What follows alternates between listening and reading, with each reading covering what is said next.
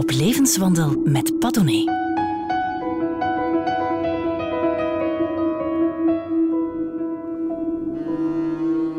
Wim Distelmans en euthanasie zijn twee handen op één buik.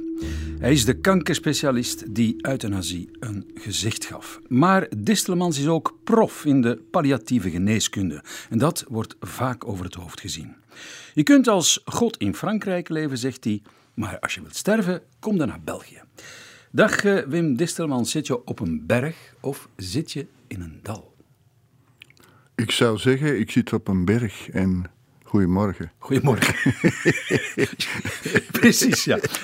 Zo van, eh, en als we beleefd blijven, zeggen we nu goedemorgen. en eh, hoe komt het dat je op een berg zit? Wel, omdat tot hiertoe uh, de dingen waar ik mee bezig ben de goede richting ingaan, op een aantal details na. Dus ik mag niet klagen, denk ik. Valt dat samen, waar je mee bezig bent en wie je bent? En hoe je voelt? Ik denk voor een groot stuk wel. Uh, ik word nog altijd gedreven door een vorm van verontwaardiging. En daardoor probeer ik een aantal dingen uh, te verleggen of te realiseren. En stel nu, want je bent uh, een zeventiger, een jonge zeventiger. Je bent nog altijd beroepsactief. Dat vroeg of laat dat beroep wegvalt. Ja. Zit je dan meteen in een dal? Uh, dat is een goede vraag. Uh, ik zou het niet weten, want uh, het is nog niet gebeurd. Maar de kans bestaat wel dat als een, het beroep wegvalt, dat ik mijn leven anders moet inrichten. Hè? En ik probeer daar niet te veel over na te denken, omdat ik nog altijd bezig ben met een aantal dingen te realiseren. En jij mag dat, hè? Pensioen bestaat niet in jouw geval. Uh, ik mag dat uh, vanuit de Vrije Universiteit Brussel. mag ik dat en ook van het UZ Brussel, het ziekenhuis waar ik nog werkzaam ben. Prijsje gelukkig. ja. Dat is niet voor iedereen zo. Wim, um, ja, euthanasie komt eigenlijk uit het Grieks. Mensen durven dat wel eens te vergeten of niet te weten. De goede dood. Ja. Dat is het lang niet geweest in de ogen van uh, de samenleving een goede dood, euthanasie? Nee, het, het woord euthanasie is um, inderdaad uh, al heel oud, maar is historisch bezoedeld. Hè? Uh, een goede dood. Denk aan het programma um, Het Verhaal van Vlaanderen, waarin beschreven wordt dat de Romeinen kwamen vechten in Gallië met Asterix en zo. En dat als die sneuvelde, vonden ze dat ook een goede dood. Dus we hebben dat woord moeten definiëren, gezien uh, iedereen dat voor zichzelf op, op zijn manier invult, een goede dood. Uh, de nazi's waren daar ook al mee bezig. Hè. Die spraken van euthanasie. En die hadden een euthanasieprogramma. En dat toeliet, in de ogen van de nazi's dan, van uh, mensen die in hun ogen minderwaardig waren te extermineren. Dat is een mooi woord om te zeggen uitrooien, te vermoorden. Want die mensen hadden er duidelijk niet om gevraagd. En ze zijn begonnen met uh, mentaal gehandicapten uit te rooien, met homoseksuelen, met uh, zigeuners, joden. En op de duur waren ze er redelijk efficiënt in. Maar als je daar op terugkijkt, dan, uh, dan kan ik me voorstellen dat je niet erg enthousiast bent over het woord euthanasie. Ja. Je hebt dat, mag ik dat zo zeggen, toch uh, hier uh, een gezicht gegeven. Hè? In Vlaanderen, misschien ook wel een beetje in Nederland. Ja, dat klopt. Wij waren een van de eerste die naar buiten is gekomen met het feit dat we dat soms deden, als in een soort noodsituatie, als een soort laatste redmiddel. Dat was in 1993, dacht ik. Mm -hmm. Toen was er een journaliste, Inge Gijs van de Standaard die uh, telefoneerde naar uh, het UZ Brussel, toen noemde dat nog AZVUB. En ze vroeg, ze, ze belde naar de kankerafdeling omdat ze dacht, ja, daar zullen misschien wel artsen zitten die daar iets mee, mee te maken hebben. En die telefoon die kwam bij de secretaris terecht en die werd dan altijd naar een andere arts doorgeschoven. Parapluutje? Een parapluutje, want niemand was er eigenlijk iets over kwijt. En ja. ik dacht, ja, waarom niet? Uh, we doen het af en toe, het is niet wettelijk geregeld, maar soms staan we met rug tegen de muur. Toen kwam er dat artikel met jouw grote foto prominent. Ja, juist. Was je ineens wereldberoemd in Vlaanderen, dat ben je gebleven. het is dan toch nog negen jaar, heeft het nog geduurd, vooraleer er een wetgeving kwam in 2002. Ja, dat gaat zo, hè. Het, ja? dat, dat, duurt allemaal redelijk lang. Eh, maar het had ook te maken met het feit dat op dat moment de voormalige CVP, nu CD&V, uh, aan de macht was gedurende decennia. En die hadden gewoon uh, duidelijk gesteld: uh, ethische dossiers, uh, dat, dat kan, kan er niet door. Ze zaten nog een beetje met de kater van de abortuswetgeving. dus dat kon helemaal niet passeren, euthanasie. En toen is er de dioxinecrisis ontstaan, waardoor de regering is gevallen. Dus wij danken eigenlijk de euthanasiewetgeving aan besmette kippen. Zo is het. we gaan daar uh, uitgebreid over terugkomen later. Uh, we hebben een uur, ja, Wim. ook over het verschil, eigenlijk het wezenlijke verschil tussen euthanasie en palliatieve zorg. Of wat het een met het ander heeft te maken. Ja. Maar naar jouw jeugd. Je vader was vrijzinnig. Ja. Moeder een tamelijk rabiate katholieke. Klopt. Zo was nogal eens gebeurd, denk ik, in, in Vlaanderen. Uh, dat, dat gaf soms een beetje vuurwerk thuis. Uh, mijn vader was zelfs niet gedoopt, stel je voor, in die tijd. Dat was toch een redelijk unicum. Uh, en ja, hij was blijkbaar erg verliefd op mijn moeder, dus hij wilde me trouwen. En uh, een van de voorwaarden was dat hij zich moest laten dopen. Heeft hij dat gedaan? En dat heeft hij dan nog gedaan ook. Hè. Um, en je, de liefde is groter dan, dan het geloof. Ja, blijkbaar. Hè. Enfin ja, hij is niet gelovig geworden, maar heeft zich laten dopen. Hypocriet. Ja, zoiets. Zeg maar, het was ook niet een van de voorwaarden van zijn schoonvader dat hij eigenlijk een, een, een serieuze positie moest hebben. Ja, hij moest een, eh, een serieuze positie hebben. Hij was een beetje een. Uh, een, iemand die, die foto's maakte. Hij was een fotograaf, een, een, een, fotojournalist. En uh, zwerpte en zwalpte wat rond, maar dat, was niet, uh, dat kwam er niet door bij de ogen van, van zijn schoonvader. Dus hij moest dan een winkel, een fotowinkel beginnen. Is dat gestart in Braschaat, het huis waar ik trouwens geboren ben. En uh, na een paar maanden had hij het wel gehad met die foto's van huwelijksfeesten. En ah ja, want zijn vrouw was binnen, dus... Ja, voilà, dus... En toen is hij er uh, eigenlijk mee gestopt en is hij finaal een, een soort uitgeverijtje begonnen uh, van populair wetenschappelijke boeken. 18 talen? 18 talen, ja. 18 talen vertaald, dus dat was redelijk succesvol. Ja.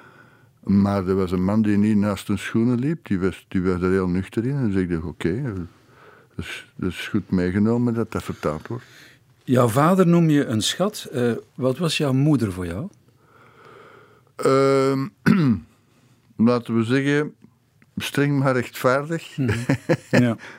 Was zij het die jou naar het Jezuïtencollege stuurde? Het, het, ja, zij wou, ik was enige zoon en zij wou een perfecte opvoeding voor mij. En dus kwamen de Jezuïten in beeld eh, op de Frankrijk in Antwerpen.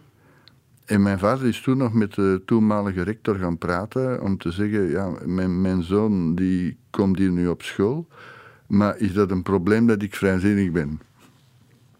En zoals het goede Jezuïeten betaamt, hebben ze gezegd, dat is geen enkel probleem. We staan Integendeel. Voor, integendeel.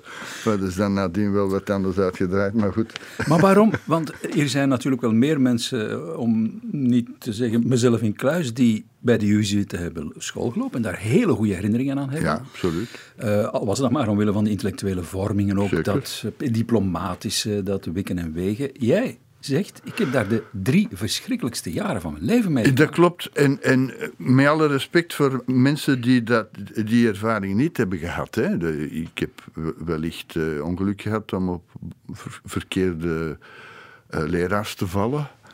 Maar dat wil niet zeggen dat ik algemeen een heel negatief beeld, beeld, zou hebben van, van Jezuïeten en hun opvoedingen.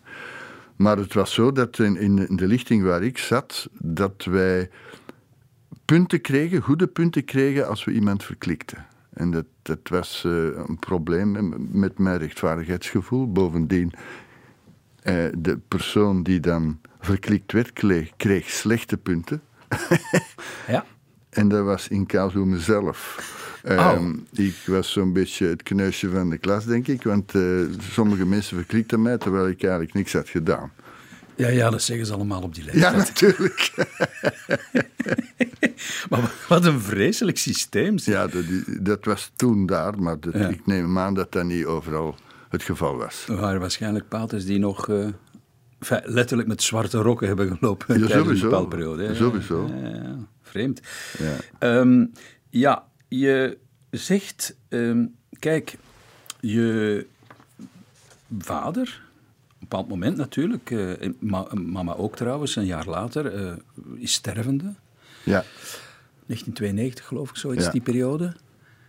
Ehm, klopt het dat, ehm, dat, eh, jouw, dat, dat praten over euthanasie met jouw vader of, een, of een, de regie in eigen handen nemen, zullen we maar zeggen, dat dat eigenlijk onmogelijk was? Absoluut. Mijn vader die wou leven tot de laatste snik. Eh, in welke omstandigheden dan ook. Hè. Eh, moest hij nog alleen met zijn pink kunnen bewegen, dan zou hij nog verder willen leven. In tegenstelling tot mijn moeder. Mijn moeder, die dus van katholieke huizen was, die nadien haar geloof heeft afgezworen. Die zei geregeld tegen mij: eh, Waarom houdt u niet bezig met iets interessants? En daarmee bedoel ik, ik had toen nogal wat eh, belangstelling om film te maken. En ze zegt: Ja, waarom houdt u niet bezig met zoiets als abortus of euthanasie? Serieus? Ja, absoluut. Dat is tenminste interessant, maatschappelijk gezien.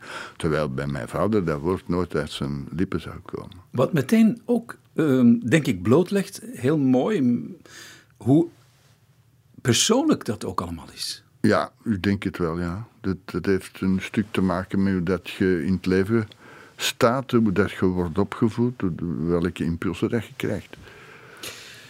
Je hebt even film laten vallen, hè? je was 17, je maakt een film, Kalverliefde. Ja, Is dat op dat moment zo het idee van, nu word ik de nieuwe Fellini? ja minstens toch, hè. ja, ik zeg dat wel, zitten film maken. Ik, ik vind het nog altijd een ongelooflijk knap medium. Ehm, ik heb het geluk gehad om eh, een film te kunnen maken die ge- aangekocht is geweest door de voormalige BRT, zeg ik dat juist? Klopt. Ook door Denemarken.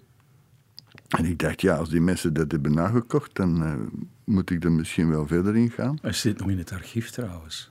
Is het waar? Heb je hem nog eens gezien? Eh, nee. Moet je niet doen. Nee, nee, grapje. nee, nee, nee, nee, niet onaardig. Niet onaardig. Eh, maar waarom doe je dat dan niet verder? ja, ehm, net wat u daarnet zegde, hè, impulsen van buitenaf. Mijn vader, die een erg nuchter en verstandig man was, die zegde, eh, film maken... Zou je niet eerst een goede stil leren, zegde hij. Want eh, als je film wilt maken, moet je altijd subsidies zoeken. Maar je hebt als arts niet anders moeten doen. Klopt.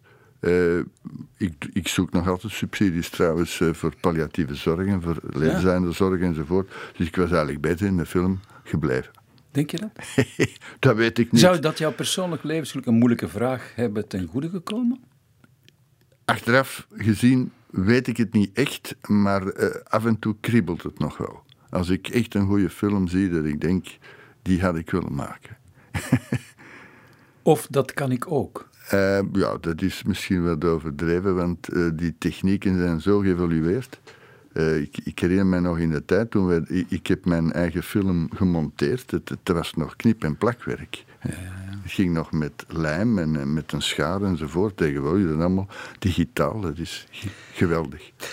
Ehm, er is net een Berg en Dal boek uit, eh, waarin ik poneer, Wim, dat ehm, alle gasten die hier bij mij over de vloer zijn gekomen, dat hun jeugd gedeterminerend is geweest voor wat ze later zijn gaan doen of Oh, ja. niet gaan doen. Ja? Ja. In jouw geval denk ik dat filmen dat dat ehm, heel erg belangrijk is geweest. Uh-huh.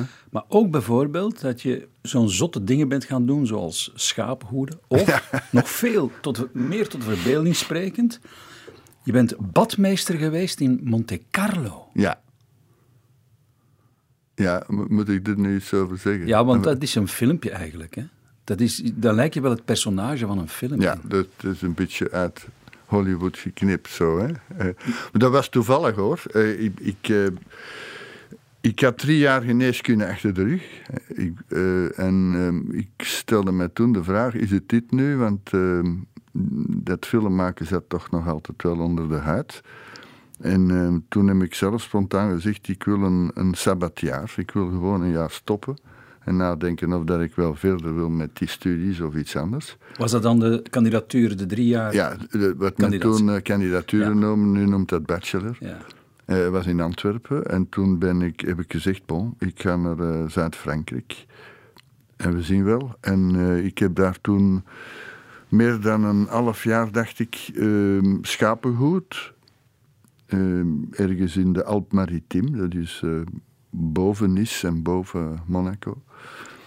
Um, waar ik uh, pastis heb leren drinken, uh, gitans heb leren roken en look heb leren appreciëren. En de, de, aanvoerder van die, die schapenherders, dat was een heel sympathiek man, maar die, die kon je niet kloppen met het drinken van pastis. Die, die dronk een halve liter per dag.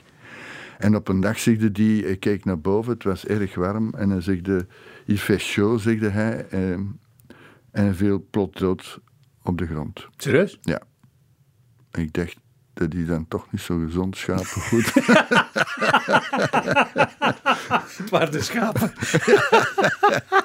maar hoe ben je dan in godsnaam in Monte Carlo terechtgekomen, waar je, klopt dat, nog gebabysit hebt op Caroline, Albert en Stefanie, de kinderen van uh, uh, Grace Kelly en... Ja, uh, dat is ook toevallig. Ja, maar dat is allemaal toevallig. ik, ik, had toen een lief, Lilian noemde die die ook een beetje zat na te denken: wat doe ik met de rest van mijn leven? En intussen was zij kassière geworden um, in een privéclub in Monte Carlo.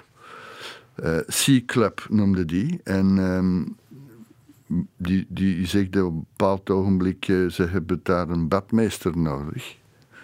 Maître nageur. En uh, ik ben toen gaan solliciteren. Gezien die herder was doodgevallen, dacht ik moet iets anders zoeken. En ik ben toen uh, gaan solliciteren en ik, gezien ik een paar woorden Engels kon en, eh, en, een beetje Duits en zo, zag je dat wel zitten om mij in dat internationaal gezelschap op te nemen. Nu, dat badmeester zijn, dat stelde niet veel voor hoor. Dat was gewoon het zwembad, kaarsen, eh, de, de cabines, de hokjes waar mensen zich uitkleden, proper maken, de, de condooms eruit halen en dat soort dingen.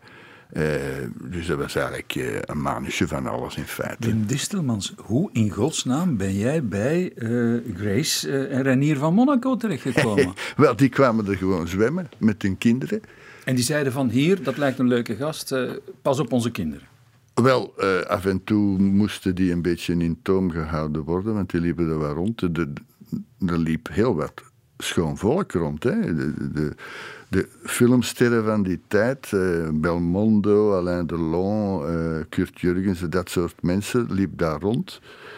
Uh, waar, je dat, waar je ook eh, kon tussen differentiëren. Hè. Belmondo was een heel sympathieke gast, zonder capsones, die met heel normale mensen omging. Alain Delon was een, sorry dat ik het zo uitdruk, een, soort maffiafiguur met een hele dikke nek die met niemand wil omgaan, oh. enzovoort. Dus... Maar ik kan me inbeelden, want dan ben je een twintiger, een jonge twintiger, die dus droomt van film maken. Ja, ja dan, dan wordt toch getriggerd op dat ja, moment. Tuurlijk. Dat, ja, natuurlijk zeg maar, je, nee, je gaat dan terug en je studeert verder als Wel, eh, ik zag toen misschien voor een stuk, toen ik die acteurs bezig zag, het, een beetje het oppervlakkige van heel dat systeem. Ja, ja. Um, en toen dacht ik, ik heb lang nagedacht samen met Lilian. Wij, gingen dan, uh, wij, wij, hadden daar kosten inwonen. Hè. We, spaarden ons, eten op en dan gingen we er op het strand s'avonds opeten. En zij is toen verpleegkunde gaan studeren. Ik denk een beetje onder mijn impuls. en zij heeft nog Renier, dus de echtgenoot van Grace Kelly, in zijn laatste dagen verzorgd. En dus ik had dan ook heel goede inside informatie van de laatste uh, informatie uit, uit het, het, kasteel van Monaco. En je dan later studeer je dus af eh, Ja. als oncoloog-radiotherapeut. Ja, Ehm, en ja, de rest is eigenlijk geschiedenis, hè? de rest is geschiedenis. Want daar komen we straks op terug. Oké. Maar eh, misschien eerst even, ja, muziek. Wat denk je daarvan? Ik vind dat een goed idee. Elvis Costello, Ja, dat is toch niet niks, hè? ja. Die schreef een, eh, een song voor Chad Baker. Oho. En die gebruikt hij dan vervolgens voor een soundtrack. Voor Noblesse Oblige. We zitten met iemand die van film houdt. De prent Let's Ge- Get Lost. oké. Het nummer, denk ik, is bekender dan de film. Zou het kunnen? Eh, De film ken ik niet. Dus Ik evenmin. N- Ik ken hem van naam, ik heb hem Ja. niet gezien. Oké. Maar de song is fantastisch. Oké.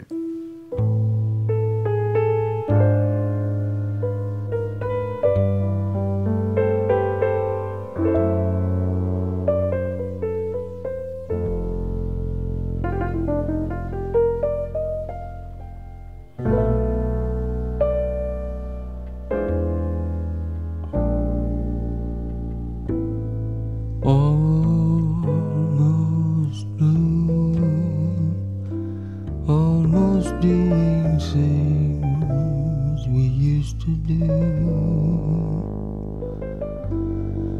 There's a girl here and she's almost you, almost all the things that you promised with your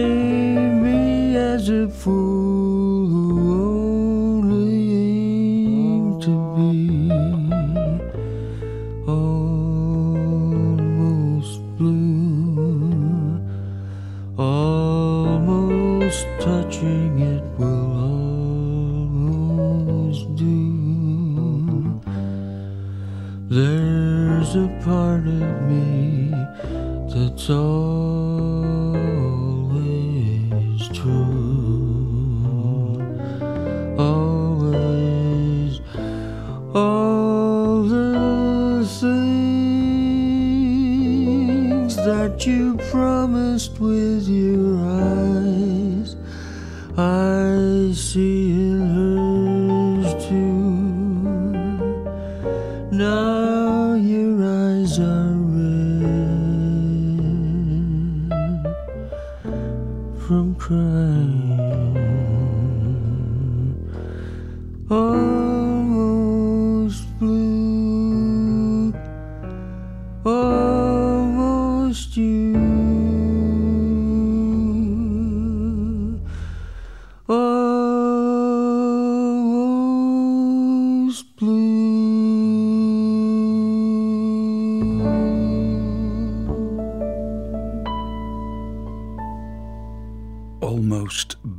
van Elvis Costello met eh, ja, de onvervangbare Chet Baker uit het album Let's Get Lost. Bij mij zit Wim Distelmans, hij is oncoloog, eh, prof palliatieve eh, geneeskunde en de man die euthanasie op de kaart zette bij ons.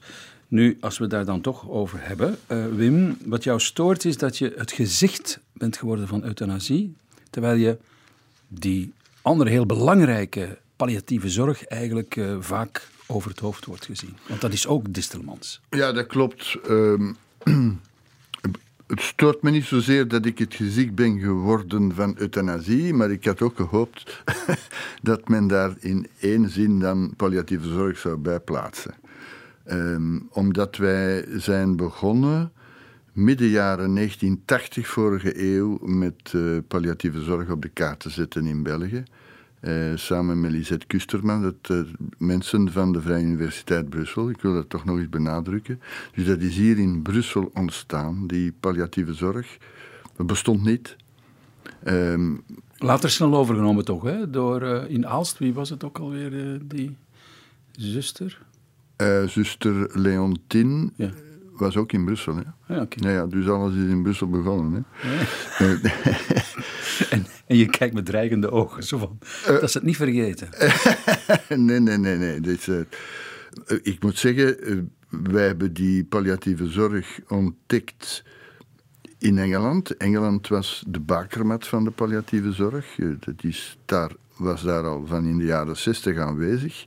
Niet zo toevallig, omdat ik weet niet of dat je ooit een Engels ziekenhuis bezocht hebt, maar dat is eh, niet te vergelijken met de Belgische. En zeker niet in de jaren zestig. Toen lagen de tegels los in de gangen en, en meer van dat soort eh, bedenkelijke dingen.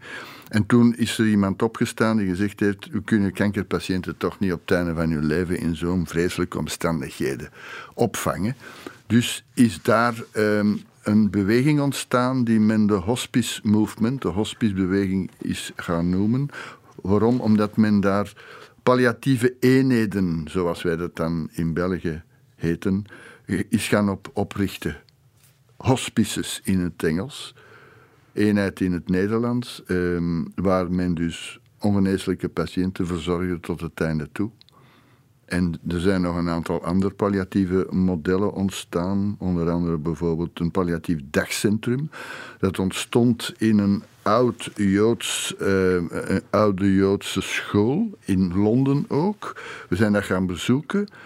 En toen, we spreken van de jaren tachtig, was daar de geweldige AIDS-epidemie. Ja, ja. Hè, vaak ook bij homoseksuelen. Hè. Men dacht zelfs dat eh, je homo moest zijn om AIDS te kunnen krijgen, stel je voor.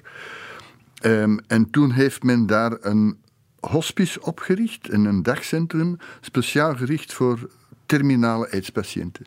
En dat is gefinancierd geweest door eh, Freddie Mercury van Queen, zelf homo, zelf overleden van AIDS, en door Elton John.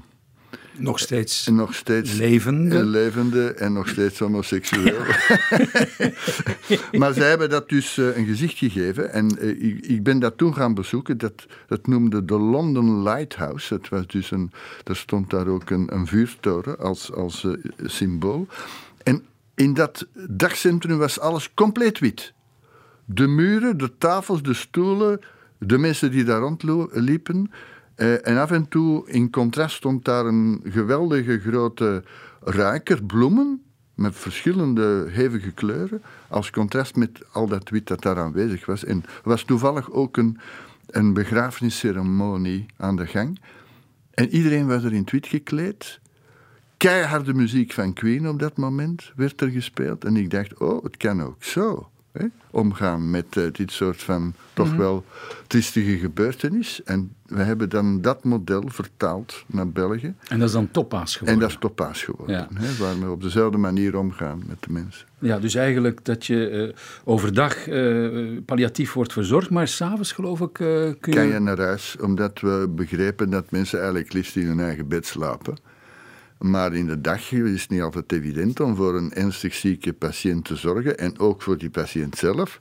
Eh, altijd tussen dezelfde vier muren. Op de deur weten niet meer wat zeggen. Hè? Maar is de, de ideale omstandigheden eigenlijk voor een dood, of ze nu zelf gekozen is of niet, is dat niet eigenlijk gewoon thuis? toekomen? Tuurlijk. En waarom moet hij dan nog eens een keer naar dat dagcentrum? Om... Wel, ze, die moeten niet Nee, nee. naar een dagcentrum, maar die optie bestaat.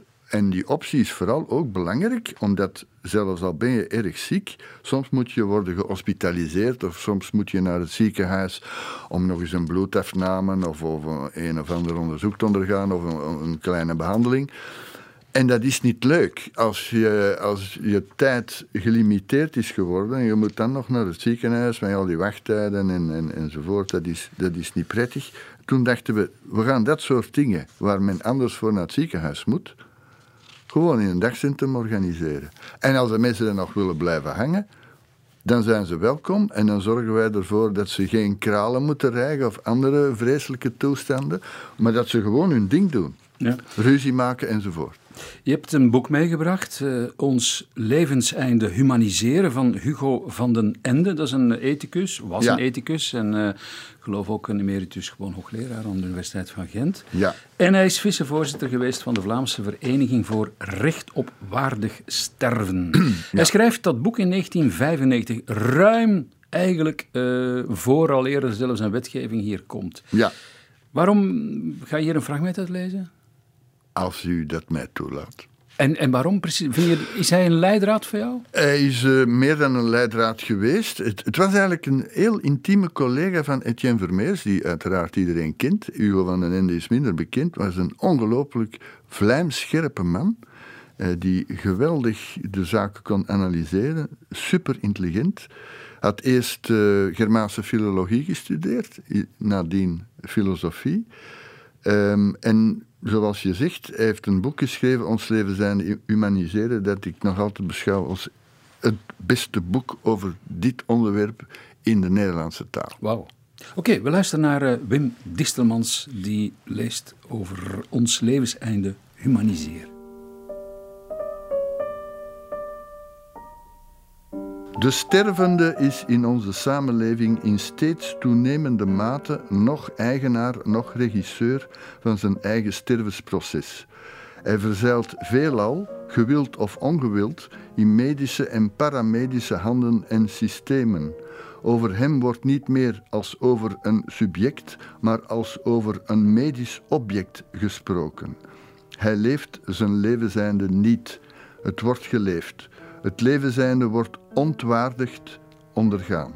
De stervende wordt in menselijke zelfvervreemding geduwd en tot passieve en onpersoonlijke toeschouwer van zijn eigen levenzijnde gemaakt, al was het dat van een vreemde. Zijn levenzijnde wordt meestal letterlijk door anderen geregisseerd. De stervende wordt woordelijk tot leidend voorwerp, tot patiënt gemaakt.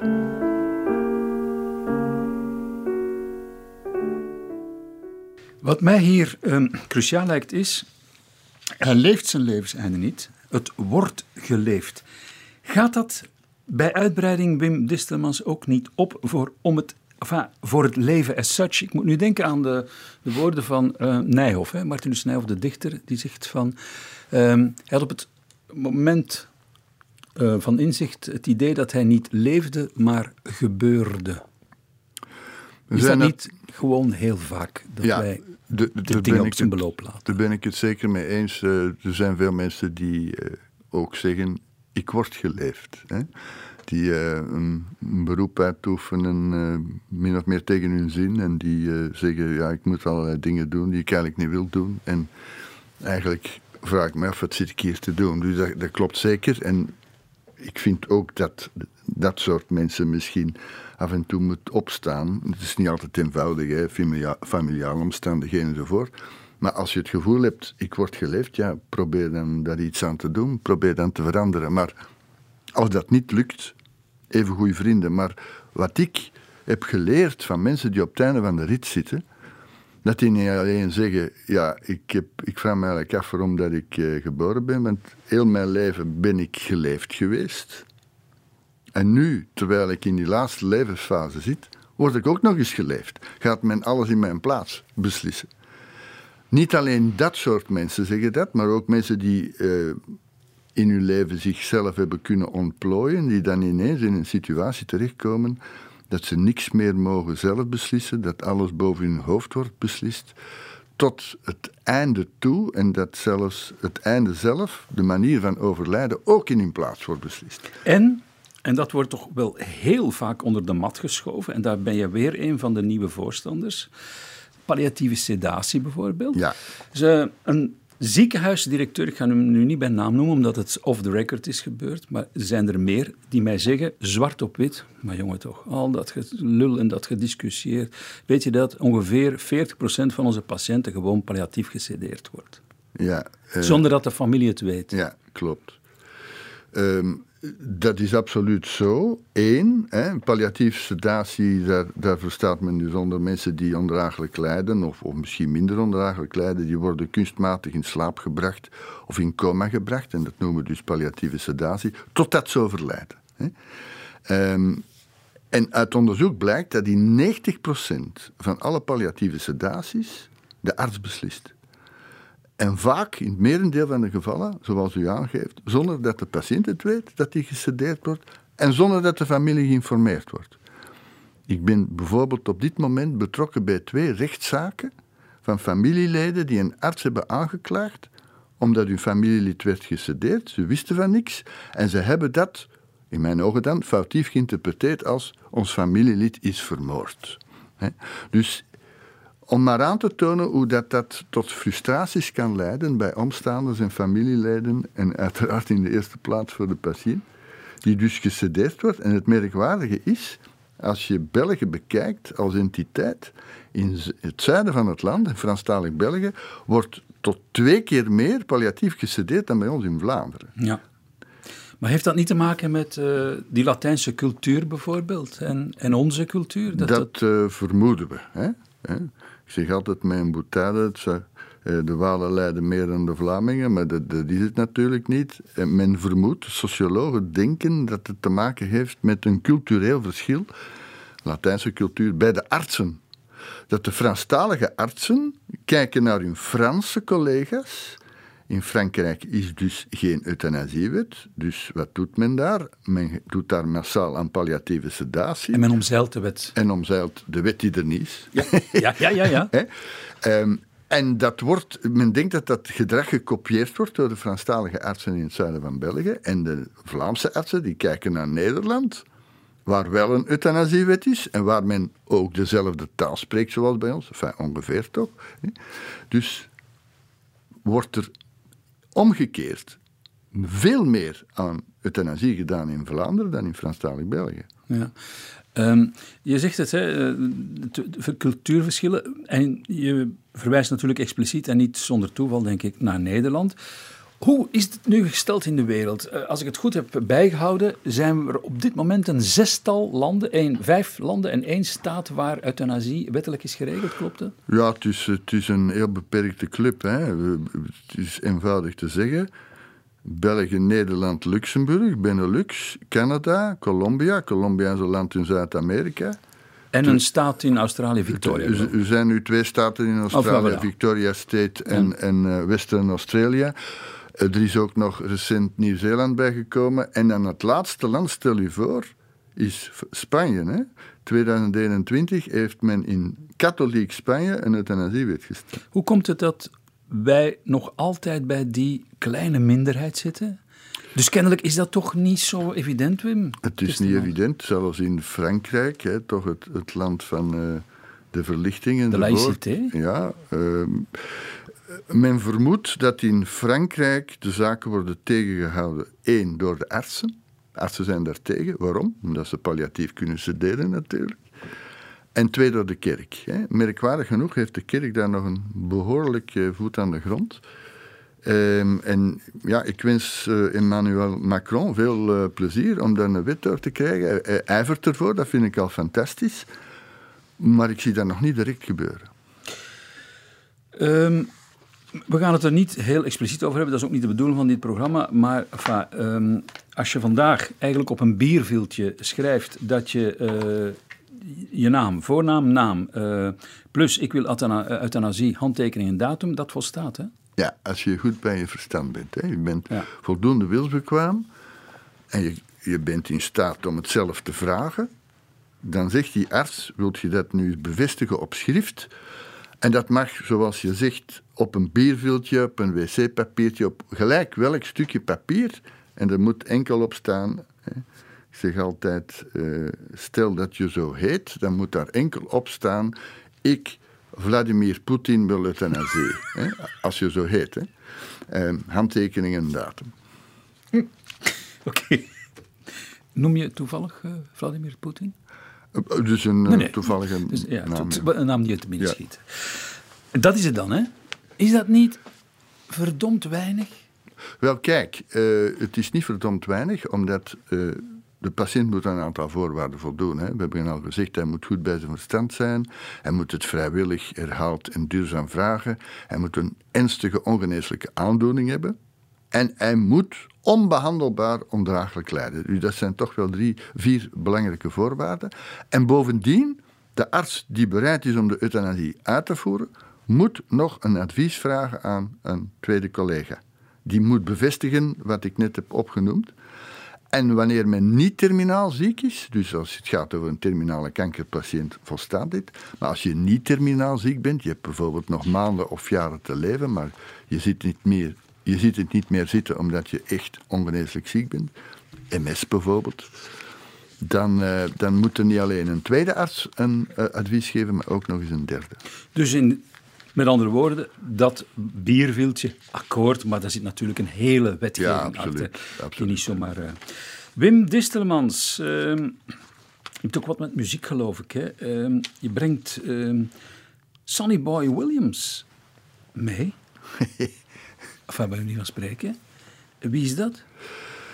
Uh, Sonny Boy Williamson uh, heb ik eigenlijk leren kennen op een LP bij een vriend toen ik uh, 16, 17 jaar was. En ik heb het al aangeduid, mijn moeder was streng katholiek en, en nogal ernstig. En mijn vader kwam uit een muzikaal gezin, dus tijdens mijn jeugd was ik voornamelijk vertrouwd met klassieke muziek. En ik was op een verjaardagsfeestje bij een vriend, uh, Frank Verrijken, wier, uh, wiens vader uh, ongelooflijk goed piano speelde. En die was een of andere boogie-woogie aan het spelen. Ik was er bijzonder van onder de indruk, want ik kende dat soort muziek niet. En dan zeg ik, kijk, er is hier een LP opgenomen in de jaren 60 op een wat men dan noemde de American Folk and Blues Festival. Dat was een tournee van een aantal Amerikaanse zwarten die uh, circuleerden in Europa met bluesmuziek. En ik heb daar dus voor de eerste keer blues ontdekt. En oh ja. het was voor mij een openbaring. Hè. Ik wist niet dat dat soort muziek ook bestond. Ben je een bluesman? Ik hou ongelooflijk veel van blues. En ik heb ook begrepen dat dat de oorsprong is van heel veel uh, moderne muziek, of iets meer moderne muziek. Hè. Uh, ook rock and roll, ook uh, Elvis Presley heeft daar zijn inspiratie gehaald. Eric Clapton, de, de, Rolling Stones, noem maar op. dus het is echt fundamenteel, fundamentele muziek. Hè. En deze Sonny Boy Williamson, de second, geloof ik? Ja, de second. En die heeft de, de meer uh, uh, ja, neutrale benaming. Eigenlijk noemt hij Alex Miller. Maar Och. met zo'n naam kun je geen muziek nee, maken, dacht hij. Daar kom je nergens mee. I don't know.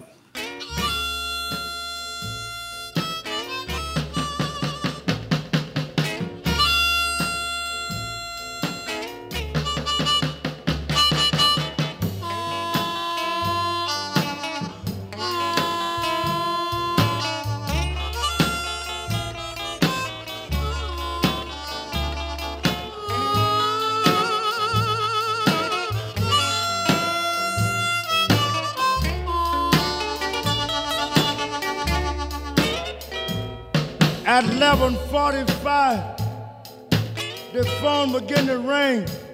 Someone picked up a receiver.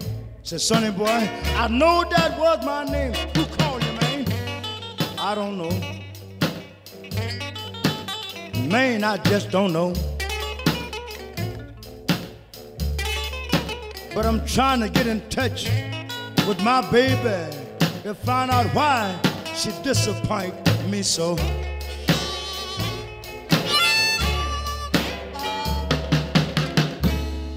I met the Greyhound bus and I met the train. She wasn't on either one, and all of my wishes was in vain. Why? I don't know.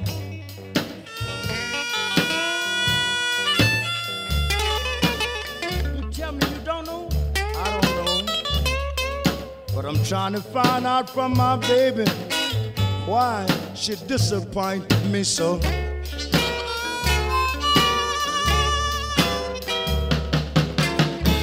I received a letter, I received a telegram, and she called me long distance. She wants to know just where I am for what. Man, I don't know. Mm. just don't know.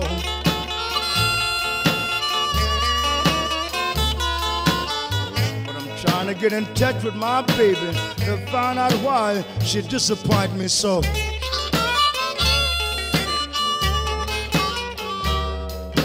She should have come by highway or either by rail. She got me with my hand in my head, wondering why did she fail? Why? I don't know. I declare, people, I just don't know. I don't know why she didn't come, but I'm trying to get in touch with her to find out why she disappointed me so.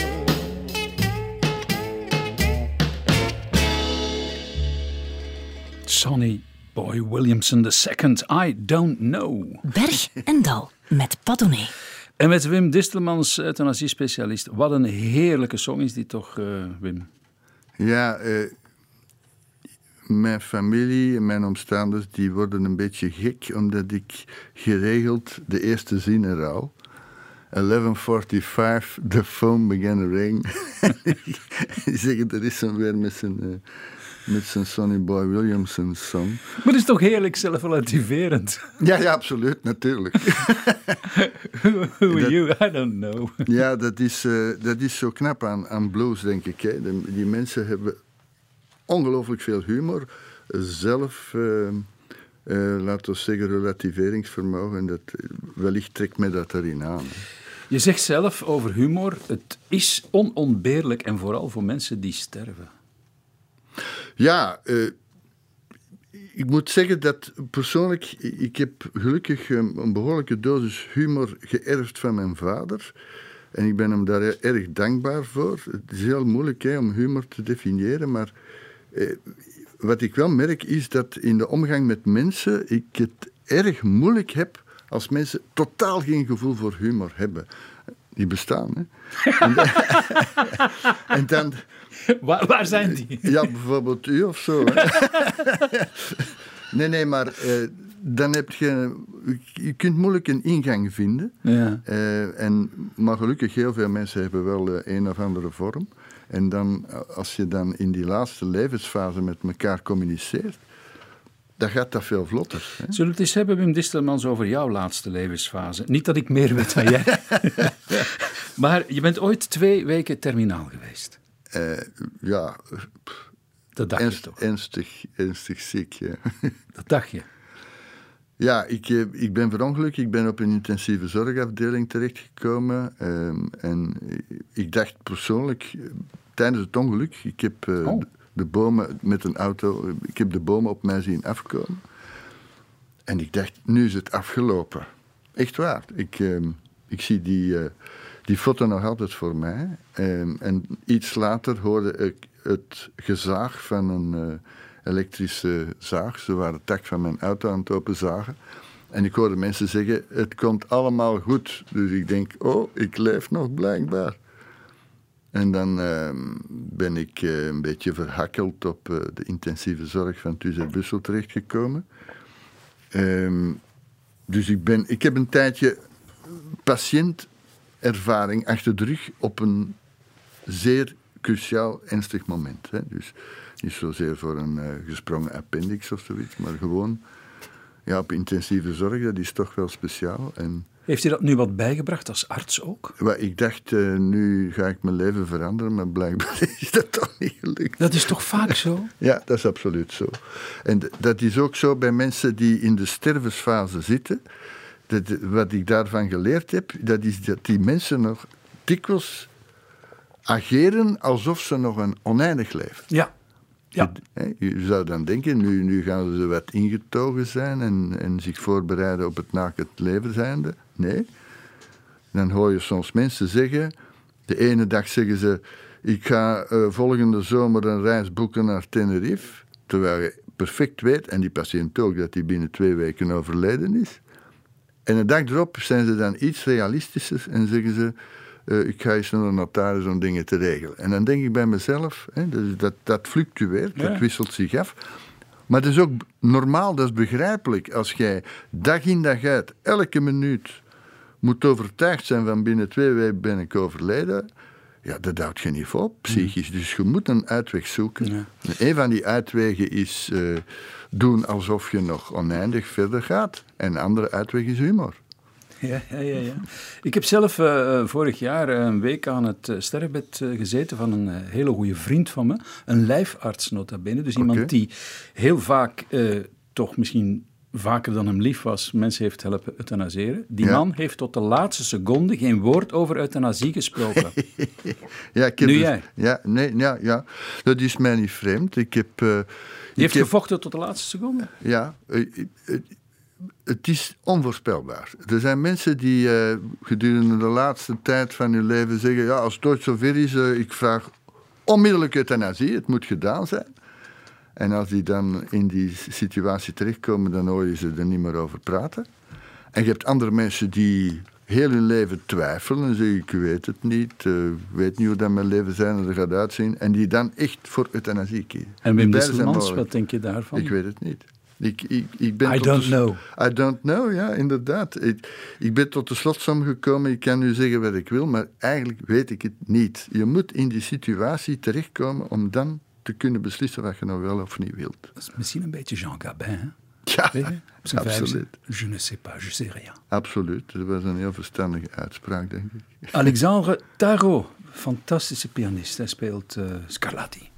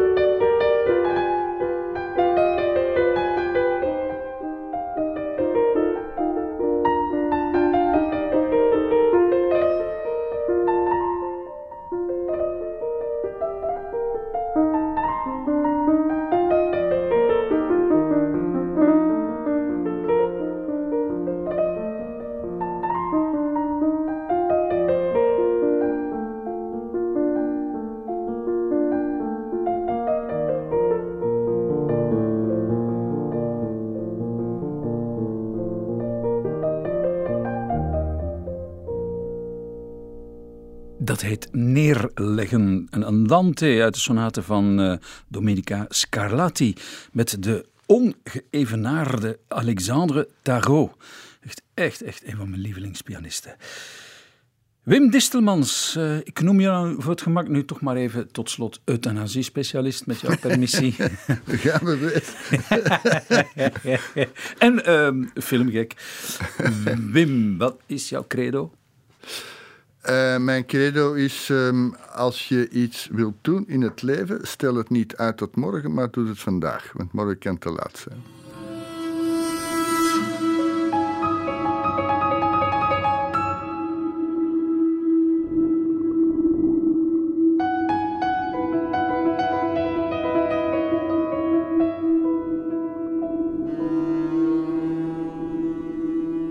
Deze Bergendal kan je als podcast herbeluisteren via de app van VRT Max.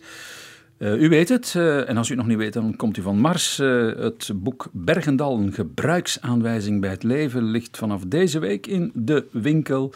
Wim, en de post mag natuurlijk naar bergendal.clara.be en op de socials, wat u met grote getalen doet. Wim, wat gaan wij vandaag nog doen? Wat gaan we vandaag nog doen? Of Misschien de, de film erzien van Valerian Borovchik, Le Conte Immoraux, waar ik Scarlatti heb leren kennen trouwens. De, muziek van Scarlatti eh, wordt daar extensief in gebruikt. Het is een erotische film die ongelooflijk knap gemaakt is en al behoorlijke tijd geleden. Dus ik denk, ik ben geïnspireerd door Scarlatti. Ik wil die film terugzien. Fantastisch. Dat is echt een tip voor filmkenners.